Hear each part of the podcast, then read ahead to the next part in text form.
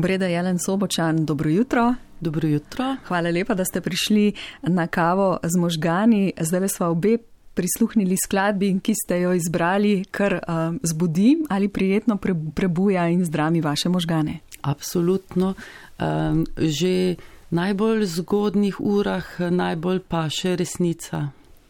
In uh, takole jo ji prisluhnemo, pa ko smo že pri besedah, um, moram kar takoj na začetku povedati, seveda Bredo Jelen Sobočan, spoštovane poslušalke in poslušalci prvega in možganov na dlani, gotovo dobro poznate psihiatrinja in psihoterapeutka, ki z nami pogosto krat gre na potep med nevrone, no tokrat pa je seboj prinesla tudi plot svojih možganov in njihove ustvarjalnosti, še čisto sveže diši skicirka, zbirka pesmi. Ja, uh pravzaprav pregrešna nagrada v teh časih, ko ti nekdo izda uh, uh, pesniško zbirko, uh, se pravi nekaj povsem uh, nekoristnega.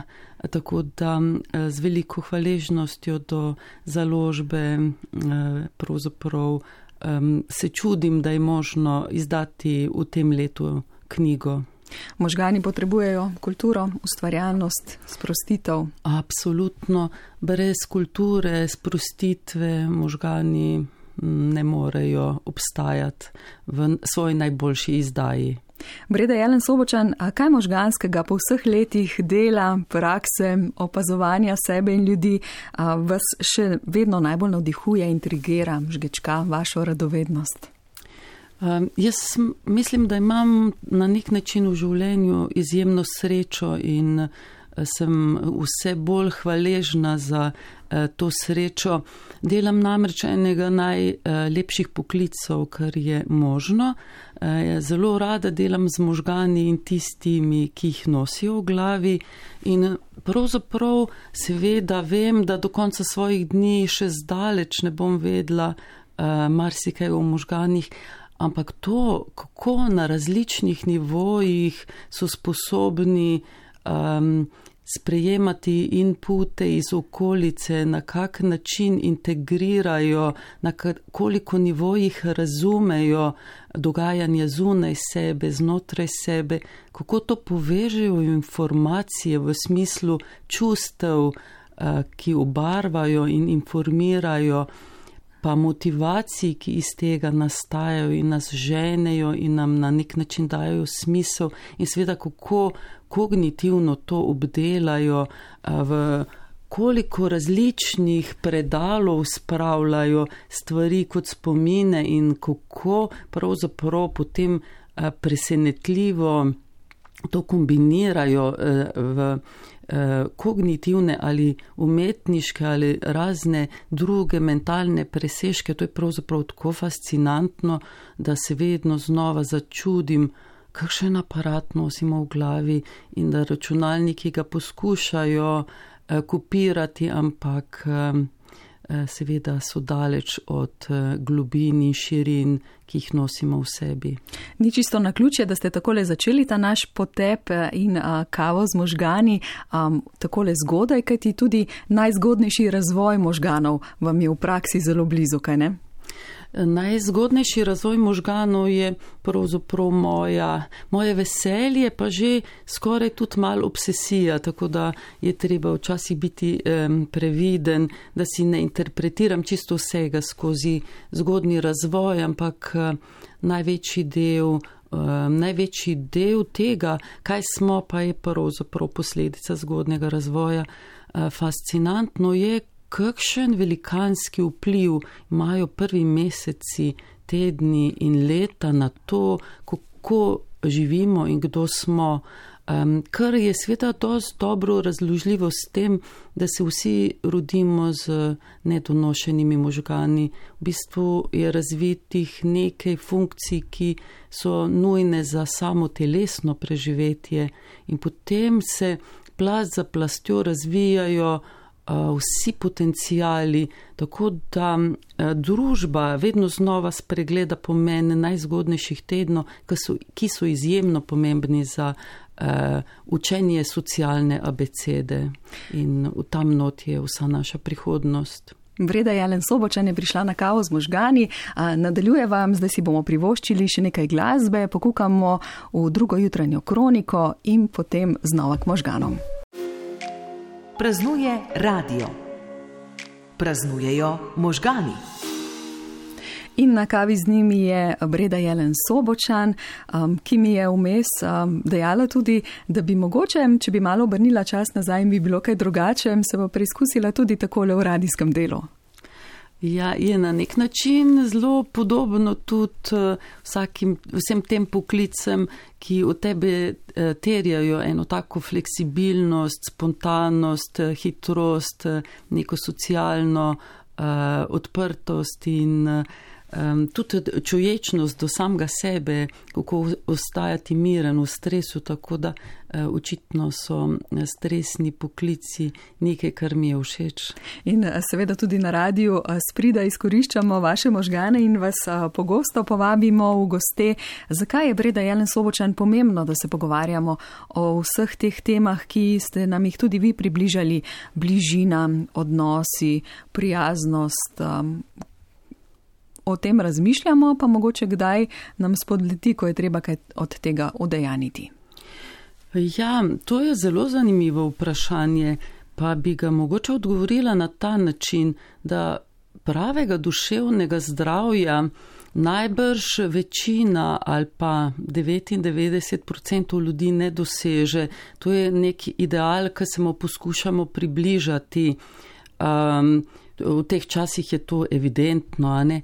Eh, bolj ko eh, človeka izpostavimo stresu, bolj se pokaže, kako eh, ni duševno zdrav. In to je realiteta večine nas in bi bilo fino, če bi se s tem nekako soočili. Ampak naši možgani, kakor so kompleksni, so tudi polni pasti. Namreč isti mojstri kot za prepoznavanje realnosti so tudi kako zabrisati realnost. Tako da vsak od nas živi v globokem prepričanju, da je ravno on tisti ta prava mera in da sem ravno jaz eh, duševno zdrav in so moja prepričanja absolutno prava. Se pravi, strašno radi damo te naše možgane, ki so tako potratni in v bistvu je z njimi tako težko delati. Na avtopilota, kjer letijo pač po svoje. In zdaj, ko se zemlja zelo čudno vrti, v smislu eh, političnih kriz, zdravstvene krize, eh, podnebnih kriz, vse, kar ste povedali v napovedniku, se sveda to, da smo mi na avtopilotu pomeni, da se bomo znašli v drugi deželi, kot v tisto, v katero smo se namenili. Tako da misliti bi bilo še kako in, še kako, in kako pomembno. In če mi pravzaprav začnemo natančno razmišljati o stvarih, o katerih mislimo, da so ali naravne ali po zdravi pameti, pravzaprav vidimo, da moramo zelo aktivno spreminjati svoje vsakdanje um, ravnanje, razmišljanje. In iz tega vidika je tako zelo pomembno govoriti o stvarih, o katerih ne razmišljamo in mislimo, da jih eh, počnemo prav. Tako da eh, super bi bilo, če bi vsi dvomljivci začeli dvomiti vase. Krasna istočnica za naše možgane. Samo še zadnje vprašanje. Kakšna bi bila vaša želja torej, za te naše možgane ob vsem, kar ste povedali in kar nam bo v izziv in a, razmislek za posameznika, za družbo v celoti? Ja, Dve stvari. No. Prva, kratkoročna, bi bila, da bi si želela, da se zaključi eh, kronični stres, v katerega so namočeni naši možgani. Eh, to nas zelo ne samo utruja, močno nas ogroža eh, agresija, vse splošna, ki narašča, pravzaprav ogroža vse, vsakega posameznika in nas kot družbo.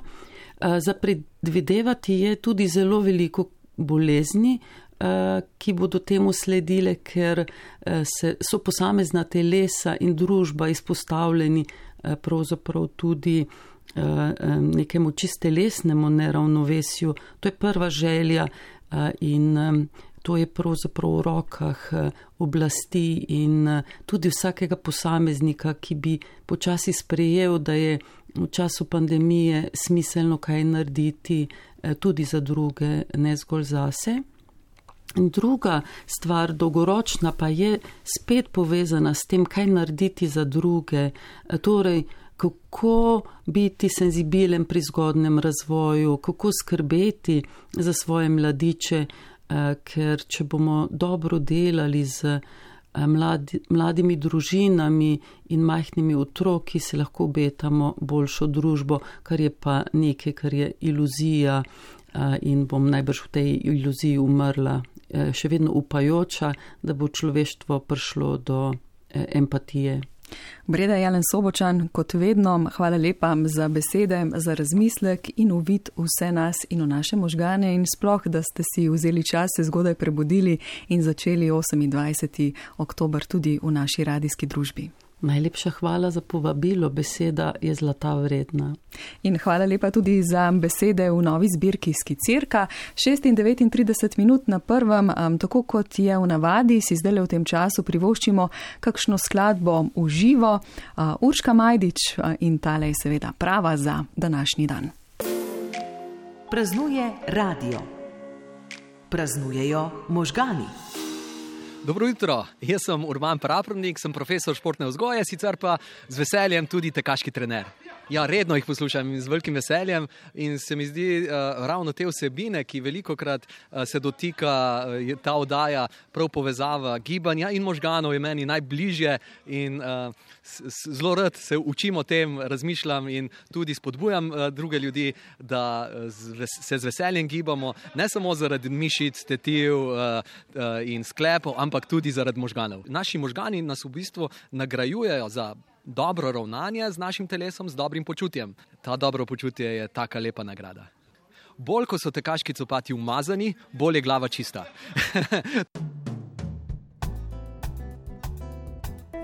Joe Henderson je tole, 37 minut, dobro jutro želim z prvega in to so zvoki, um, ki še posebej lepo um, prebujajo tistega, ki je naslednji prišel na kavo z možgani uh, v našo oddajo oziroma v termin, ki je namenjen temu.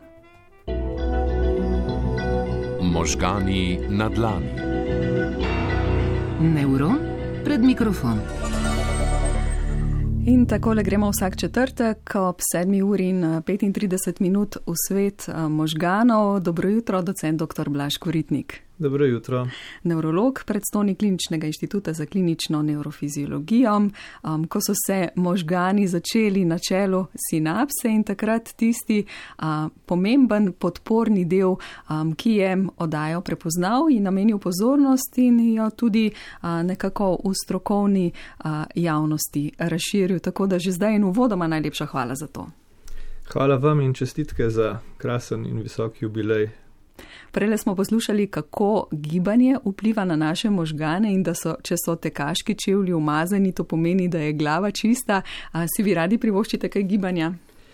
Ja, ne samo, da si ga rad privoščim, tudi um, vedno bolj se zavedam, kako je to pomembno za zdravje možganov. Uh, v teh časih je seveda malo težje um, si rezervirati čas za gibanje in za rekreacijo, tako da je potrebno malo več načrtovanja, ampak um, v zadnjih letih sem postal zelo, um, lahko rečem, strasten plavalec, tako da dvakrat tedensko in tako ob četrtkih zjutraj se zbudim uh, z nekaj bolečinami v nogah in rogah, rokah, prijeten občutek. Je danes tudi tako? Je. Uh, hvala, da ste prišli uh, na vse zgodaj zjutraj. Um, vsekakor um, vas bom um, prosila, da razmislite, kaj v svetu možganov po vseh teh letih, ko jih spoznavate od blizu in tudi seveda zelo uporabljate, vas najbolj navdihuje in intrigira. No, še vedno uh, smo precej slabi v tem, kako poznamo delovanje človeških možganov, pa vendar lahko rečem, da sem vsaj sam skozi vsa ta leta spoznavanja delovanja možganov našel veliko vsaj usporednic, če že ne eh, razlogov in pojasnil, eh, zakaj smo, kakršni smo, zakaj se vedemo, kakor se vedemo v dobrem in v slabem smislu. In možgani se vsekakor upletajo v seveda delovanje celotne družbe, vključno z vsemi težavami, ki jih generirajo. Katero vprašanje pa je na vašem področju trenutno največji izziv? Trenutno lahko rečem, da se predvsem vsi veselimo spoznanj na področju genetike. Zdi se mi, da mogoče v, pred desetimi, petnajstimi leti še ni bilo jasno, kje bodo ta, te prve rešitve za težke nevrološke bolezni, za težke bolezni možganov, predvsem so to neurodegenerativne bolezni, ki lahko rečemo, nastanejo kar tako, ne poznamo dobro vzrokov. In izkazalo se je, da je ravno napredek na področju genetike, poznavanja dednega zapisa, ki je pogosto temelj za to, da takšne bolezni nastanejo. Tista mogoče prva rešilna bilka, ki je zares že začela pomagati pri tem, kako zdravimo takšne bolezni. Tako da z navdušanjem spremljam novice. Ravno pred 14 dnevi so spet objavili eno novo novico, kako je ena od študij, ki preučuje, ki, ki preučuje zdravljanje bolezni ALS z. Po principi genske terapije se je izkazala za uspešno. Odlična istočnica o ALS-u smo tudi v možganih na dlani um, kar precej govorili, namenili smo mu celo uh, celo serijo oddaj. Um, to je bilo decembra leta 2019, ko nas je uh, obiskal tudi uh, David Reanjom, ki je takrat z ekipo potoval v okviru projekta uh, Sedem jezer, sedem življenj in ob tej priložnosti se nam je oglasil.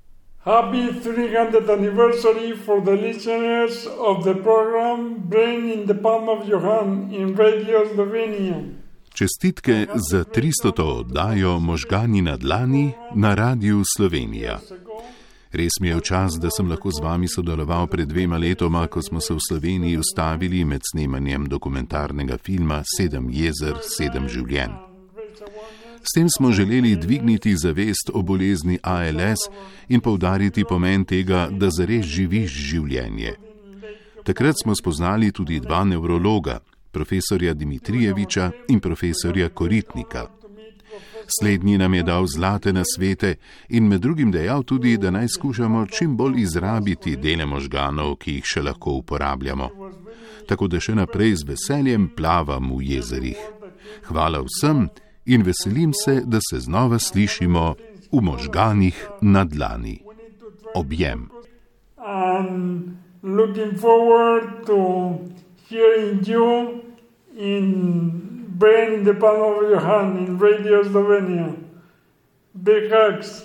Ja, tako, David Rijanjo, um, dr. Blaž Koritnik, nisem vam povedala, da se bo oglasil, zdaj ste se um, prav lepo nasmejali, ko ste ga poslušali.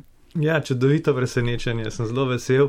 Eh, mi dva smo sicer ostala v stikih, eh, na zadnje sva bila eh, to poletje v stiku, ko mi je ob izidu tega filma, ki ga je posnel in je letos izšel, poslal eno steklenico dobrega španskega vina in smo ga popili nekje na sredi Jadrana in sem mu poslal tudi fotografijo.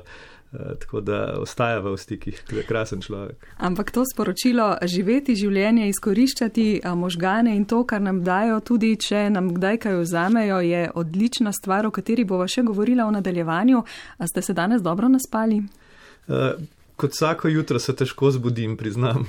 Se kdaj o, o tem svojem spalnju in spalnih navadah pogovarjate tudi kaj s kolegi? Um, Raj zadržim zase, ampak to je ena od mojih šibkih točk. Več bi bilo treba spati. Um, za možgane je spanje zelo zdravo. Profesorica dr. Leja Dolenc Grošelj, vi se gotovo strinjate s tem, kaj ne? Dobro jutro, mojca, dobro jutro, Blaž. Uh, moram priznati, Blaž, da sem jaz tudi pol večerni tip in se zjutraj težko zbudim. Aha, pravi, da se ona tudi eh, zjutraj težko zbudi. Me veseli. Uh, profesorica Lea Dolenc Grošer, hvala lepa, da ste se nam uh, oglasili v jutro. Um, specialistka neurologije, klinična neurofiziologinja, evropska strokovnjakinja za medicino spanja, ki jo seveda v možganih na dlani uh, zelo dobro uh, poznamo. Um, hvala, da ste zgodaj z nami, kajti o tem, o ritmu uh, budnosti in spanja uh, veliko krat govorimo, pa še je treba povdariti, kako je pomembna ta naša spalna higijena, kaj ne?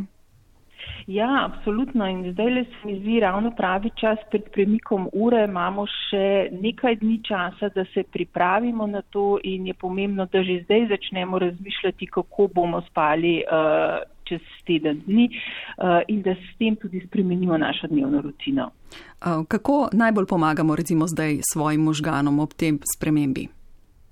Ja, da se postopno v bistvu prilagodimo na novo uro, kar bo zdaj le sicer bistveno lažje, kot, bo, uh, kot, je, kot nam je bilo spomladi. Uh, pomembno je, zdaj za odrasle zdrave ljudi to niti ni uh, takšna velika sprememba, bolj so tiste ranljive skupine, kjer govorimo o starejših in pa seveda o majhnih uh, dojenčkih, recimo, kjer pa je pomembno, da jih prilagodimo na nov, uh, na nov ritem. Profesorica Dolenc Grošal, katero možgansko vprašanje, podobno sem prej vprašala dr. Koritnika, pa vam ne pusti spati oziroma vas najbolj navdihuje ta hip? Ja, moje področje raziskovanja in kliničnega dela je somnologija. To je neuroznanstvena veda, ki preučuje delovanje možganov po noči, kaj vse se nam dogaja med spanjem. In še vedno imamo na tem področju veliko odprtih vprašanj. Mi vemo, da je spanje pomembno za tvorbo spomina, da se nam med spanjem izločajo neurodegenerativne substance z možganov, kar nam omogoča dobro staranje. Vemo, da nas spanje ščiti pred okužbami, kar je trenutno v času epidemije COVID-a zelo pomembno. Ampak še vedno iščemo druge pomembne funkcije spanja. Saj, kot je rekel pionir semnologije, profesor Rečafen, Če spanje ni nujno potrebno, potem je to največja napaka, ki se je kdajkoli zgodila v evoluciji. Ampak v evoluciji ni tako velikih napak. Zato menim, da je zagotovo spanje nujno, vse njegove neraziskane funkcije pa nam še zdaj ne pustijo spati. No, mi predvsej uh, radi spimo, kadar spimo in se nam zdi, da to ni napaka, ampak še zmeraj pa je intrigantno uh, vprašanje, da pravzaprav ne vemo še čisto, zakaj spimo, kaj ne? Ne, ne vemo še čisto, zakaj spimo in kot je rekel uh, dr. Koritnik, genetika je tista, ki nas trenutno v neuroznanosti zelo navdušuje in podobno je tudi uh, na področju somnologije. Sama se trenutno najbolj ukvarjam z raziskovanjem cirkadijalnih ritmov. In zanima nas, zakaj se to ciklično spreminjanje samega spanja, ker po noči spanje ni enako, ko zaspimo in proti jutru, ko se zbudimo, kako to vpliva na izražanje urnih genov. Zanima nas preučevanje bolnikov z motnami dihanja v spanja in se sprašujemo, ali je tudi apne med spanjem lahko cirkadijana bolezen. Se pravi, da je v bistvu genetika tista, ki nam v bistvu tudi nekako narekuje, kakšen bo potek te bolezni po noči. Znanost se razvija, raziskovanje gre naprej, um, vprašanja dobivajo odgovore in odpirajo nova vprašanja in gotovo bo tako tudi na področju somnologije in z veseljem bomo vse skupaj spremljali v odaji možgani na dlani. Profesorica dr. Leja Dolenc Grošal, če vas za konec vprašam, kaj bi zaželeli možganom uh, naših poslušalk in poslušalcev, pravzaprav vsem nam. Ja, želim vašim poslušalkam in poslušalcem, da še naprej ostanejo tako zvedavi in željni novih spoznanj o možganih, vam pa absolutno želim tako uspešno delovanje še naprej, čim več zanimivih odaj in seveda poročanja o novih odkritjih na področju možganov.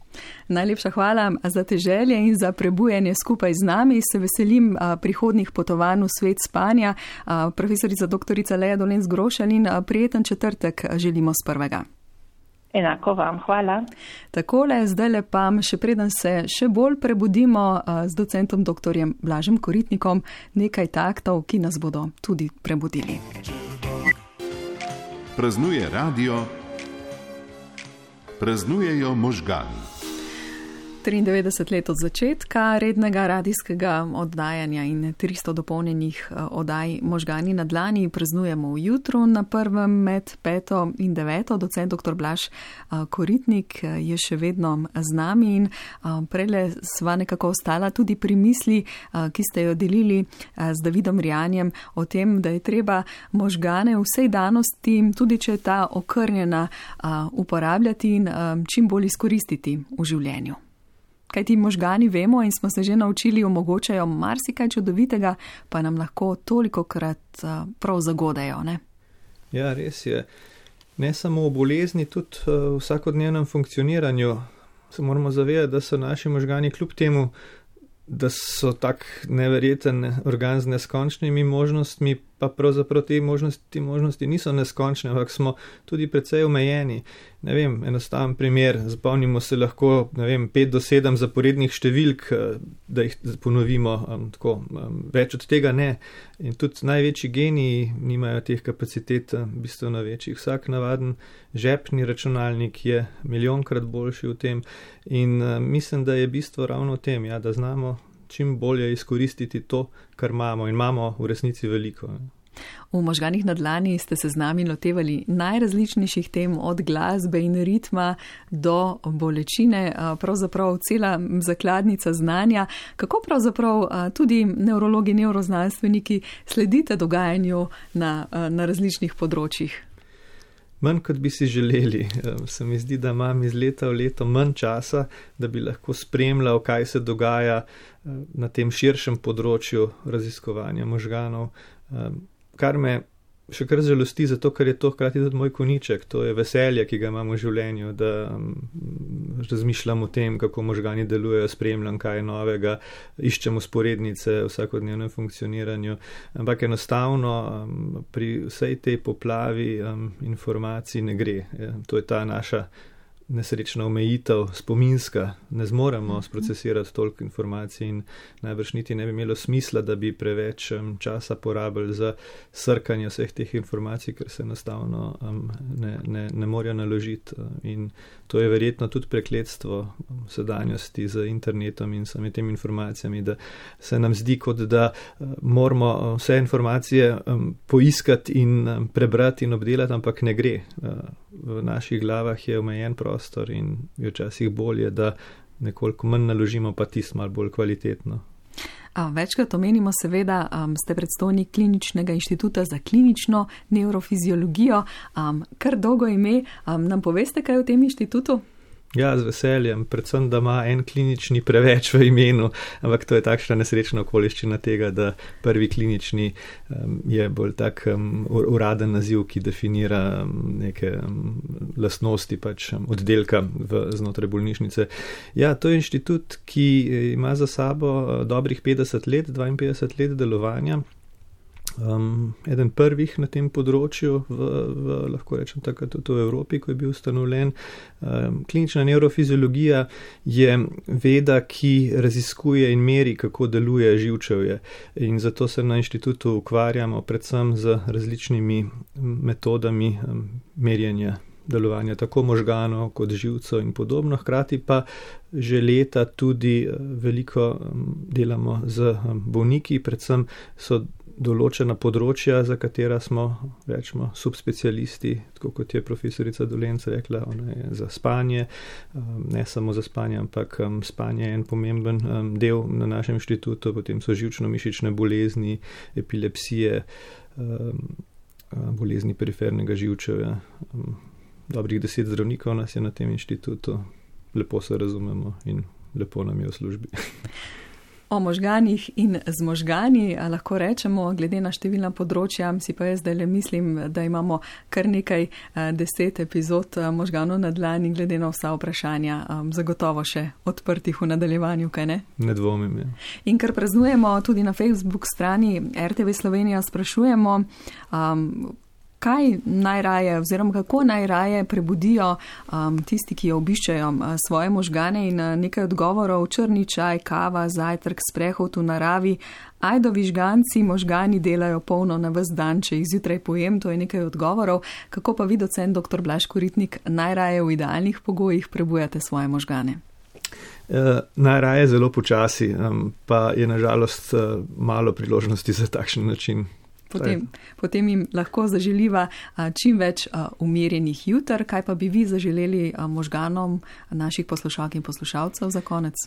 Ja, jaz bi predvsem zaželel to, česar se mi zdi, da manjka predvsem v zadnjem času, um, um, možganska omrežja, o tem smo se velikrat pogovarjali, kako znotraj možganov različna omrežja delujejo, ampak možgani so organ, ki so narejeni za to, da se tudi med seboj povezujejo, se pravi, da se pletejo ta omrežja uh, med posameznimi možgani in med posameznimi ljudmi in mislim, da v teh omrežjih nam ne gre preveč dobro, da bi bilo tukaj, tukaj še nekaj prostora za izboljšavo in želim vsem poslušalcem in vsem nam, da se znamo bolj kvalitetno mrežiti med seboj, se razumeti, se poslušati in skupaj delovati v dobro vseh. Prvi požirek jutra. Dobro jutro, možgani. Dobro jutro, jaz sem Nastja Tomat, sem članica organizacijske skupine Tedna možganov, ki deluje pod okriljem Sinapse Slovenskega društva za neuroznanost.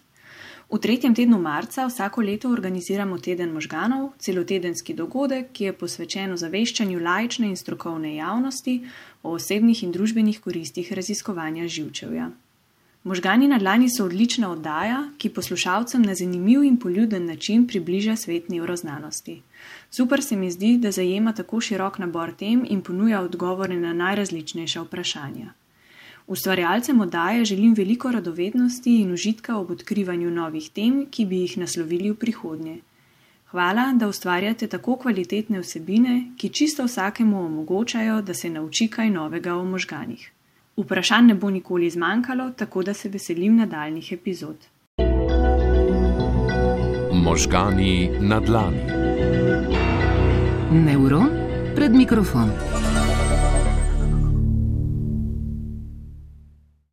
Pet minut je zdaj le čez pol devetom in nadaljujemo na prvem. Um, gremo še v finale do devetih. Profesor dr. Zvezdan Pertošek, lepo dobro jutro vam želim. Dobro jutro tudi vam, mojca. Uh, hvala, da ste prišli. Uh, pravzaprav lahko rečem zvezda uh, pogovarjanja in uh, razširjanja znanja o možganih um, do poslušalk in poslušalcev. Um, um, v številnih oddajah možgani na dlani ste nam približali ta svet, ki ga sami raziskujete in spoznavate že um, mnogo let. Um, kaj vas pri vsem tem dan danes najbolj navdihuje, če pogledate?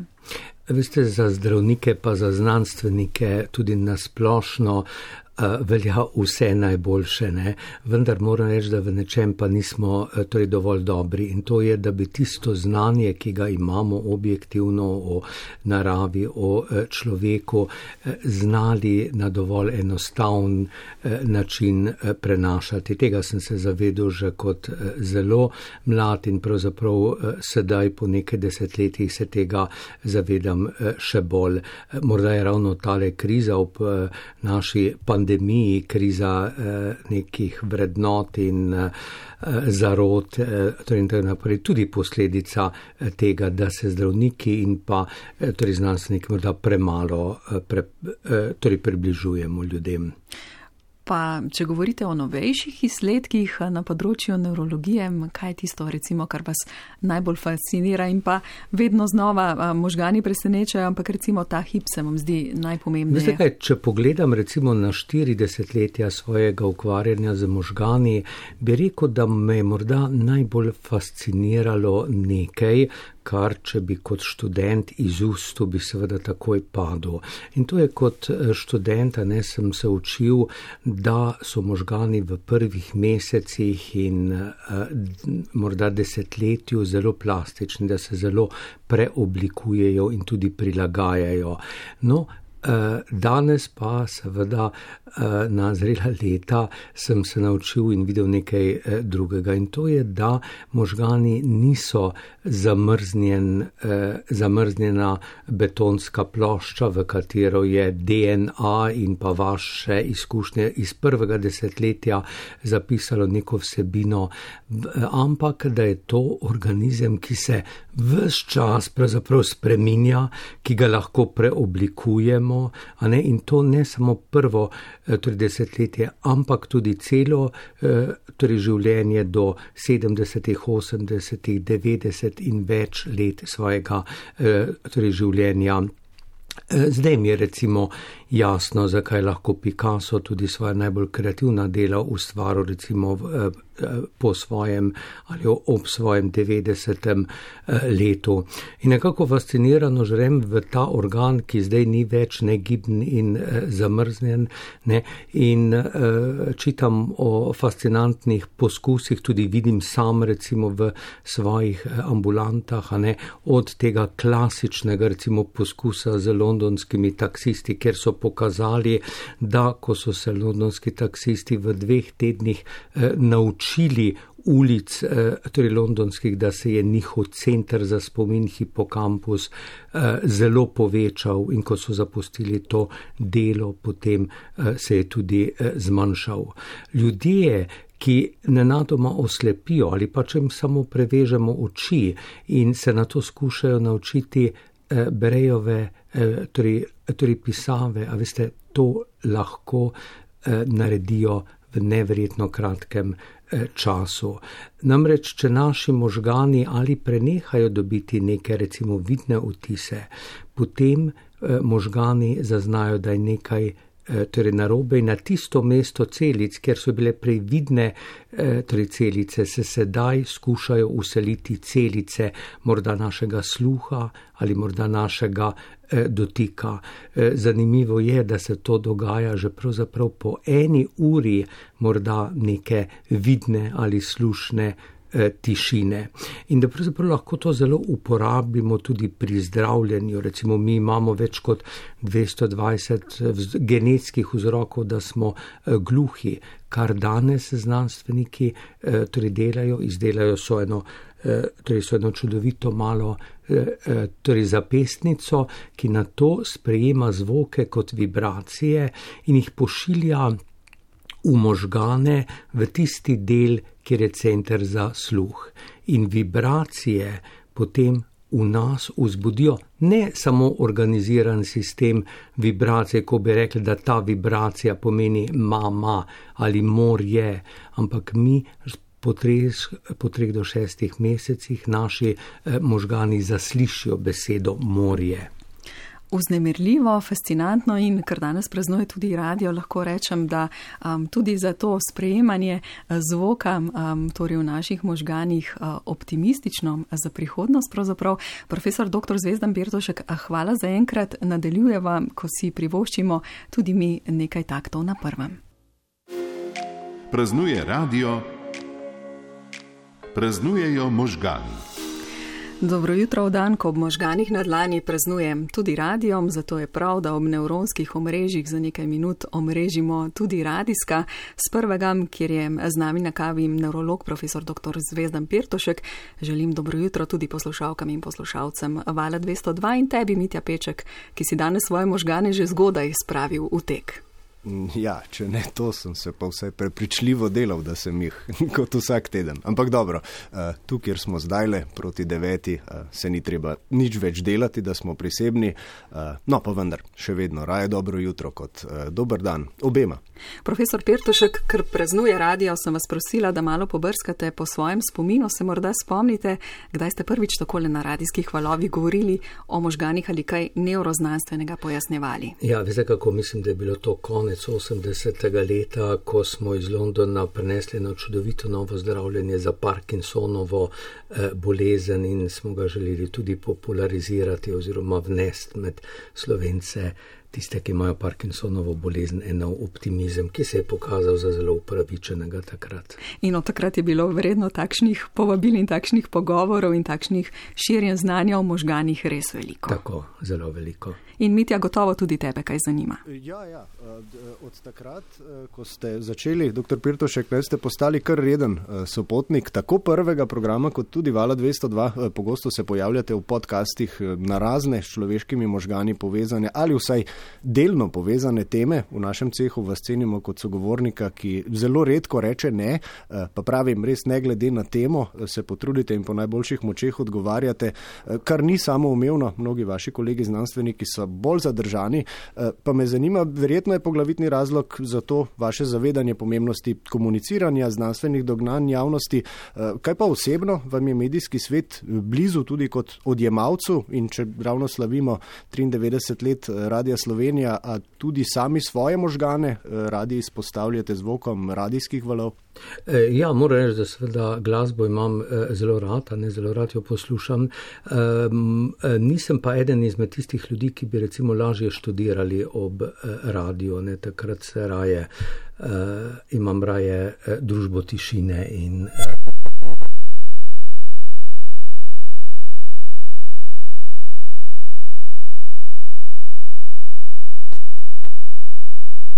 Spraševala o tem, um, kaj najbolj prija njihovim ušesom. Um, nekaj, kar so omenili, zdaj nama v slušalkah marsikaj se dogaja ne, in marsikaj zveni, ampak kako so kaj naši možgani s tišino? Ja, eh, takrat, ko imamo eh, pravzaprav je več eh, tišin, ne, je, je tišina spanja, je tišina kome, eh, je pa tudi tišina našega budnega dne, ki pa pravzaprav ni tišina. Takrat se v naši tišini ponavadi zelo veliko eh, dogaja, vzbujajo se tako imenovana neuronska omrežja, zanimivo zlasti tista, ki so dosti krat povezala, torej povezana tudi morda z nekoliko odloženo ustvarjalnostjo.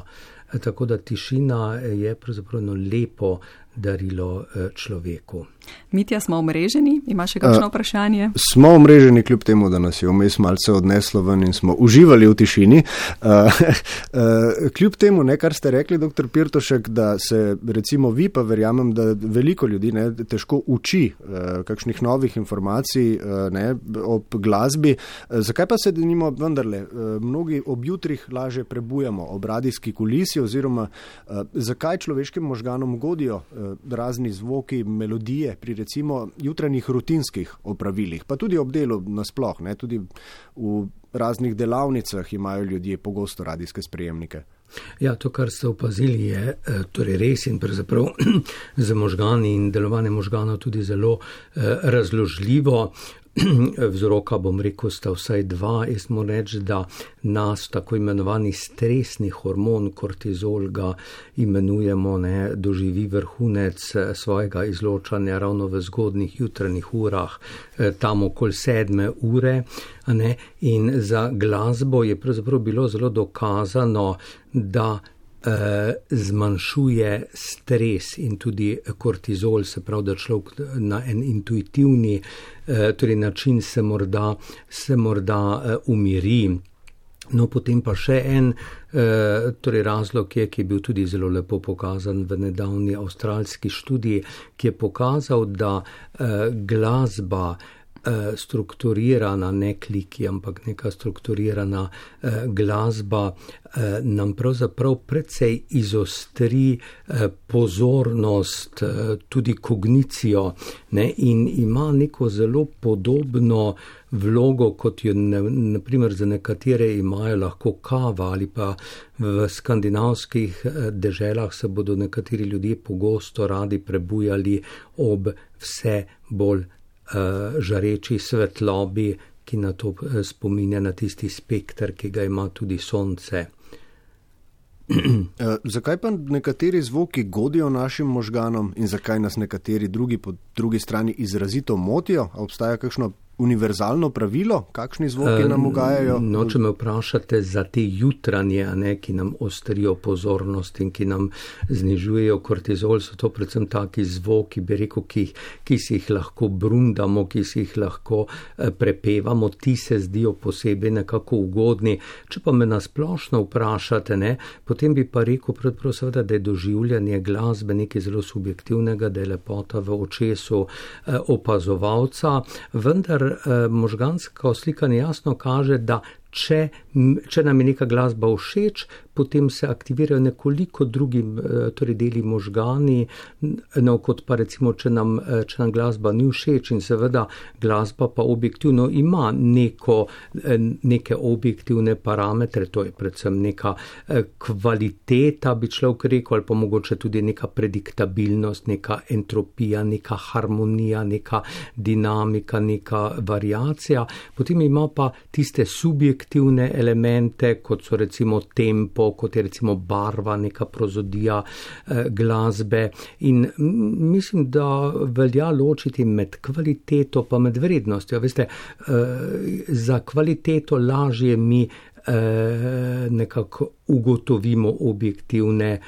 vrednote. Veste, eno je hopa, hopa, cupa, cupa, la, la, la eno je recimo ena Beethovenova peta eh, simfonija. In vendarle, in vendarle je lahko vrednost za nekoga v kontekstu njegovega življenja ta hopa, hopa, cupa, cupa, la, la, la, več kot recimo Beethovenova simfonija. No, tako pa imamo spet, gotovo se bo strinjal Mitja, kar nekaj istočnic, da gremo bolj z možgani napreženimi ušesi v ta nov dan, tudi v uh, omrežje vseh zvokov in možganov, ki jih bomo praktično v novembru tudi še raziskovali družno, tako na prvem kot na valu 202. Tako in na mnoga sodelovanja še v prihodnje. Ja, in uh, rekli ste, profesor Pirtošek, um, tudi pri 93 letih so lahko, uh, zahvaljujoč uh, neuroplastičnosti in neuroadaptaciji, uh, človeški možgani še kako gibki, tako da je lahko gibak pri 93 tudi radio.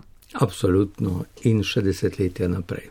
In če vas je Mitja prej vprašal po vam ljubih tonih oziroma po tem, zakaj so nam nekateri toni ljubši kot drugi, a, morda za konec kakšna beseda o skladbi, ki ste jo izbrali in jo bomo v nadaljevanju slišali vsaj za nekaj taktov. Veste kaj, izbral sem si eno eh, klasično glasbo, pa tudi iz nekih nostalgično, bom rekel, egoističnih eh, razlogov. Morda, če želite, ko sem bil mlad eh, neurolog, sem v, v neki londonski bolnišnici nekaj časa moral skrbeti tudi za glasbenico Jacqueline Dupre. Jaz sem jo poznal seveda že odprej, bila je čudovito mlado dekle, ki pa je potem nek kočo ob igranju čela, čudovita solistka je bila, ne, začutila eh, mravljince in moram reči, da se je njeno življenje potem, eh, torej desetletje ali dve, tragično eh, končalo z multiplo, torej sklerozo.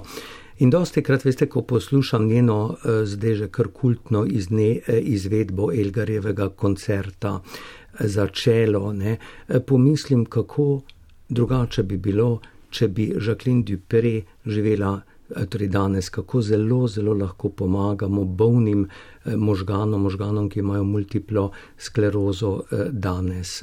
Danes bi zanesljivo bila še živa in kvaliteta njenega življenja bi bila popolnoma drugačna. Torej se lahko tudi ob naslednji a, melodiji a, spomnimo na to, a, kaj vse zmorejo človeški možgani, kako nam lahko zagodejo in kako se razvija neuroznanost in danes pozna že mnogo več odgovorov kot pred 30 leti. Ja, na tanko tako.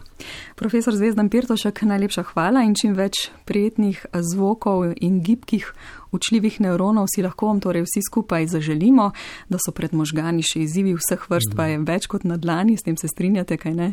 In ob tonih, ki ste jih izbrali, lahko znova vsi skupaj malo razmislimo o tem. thank you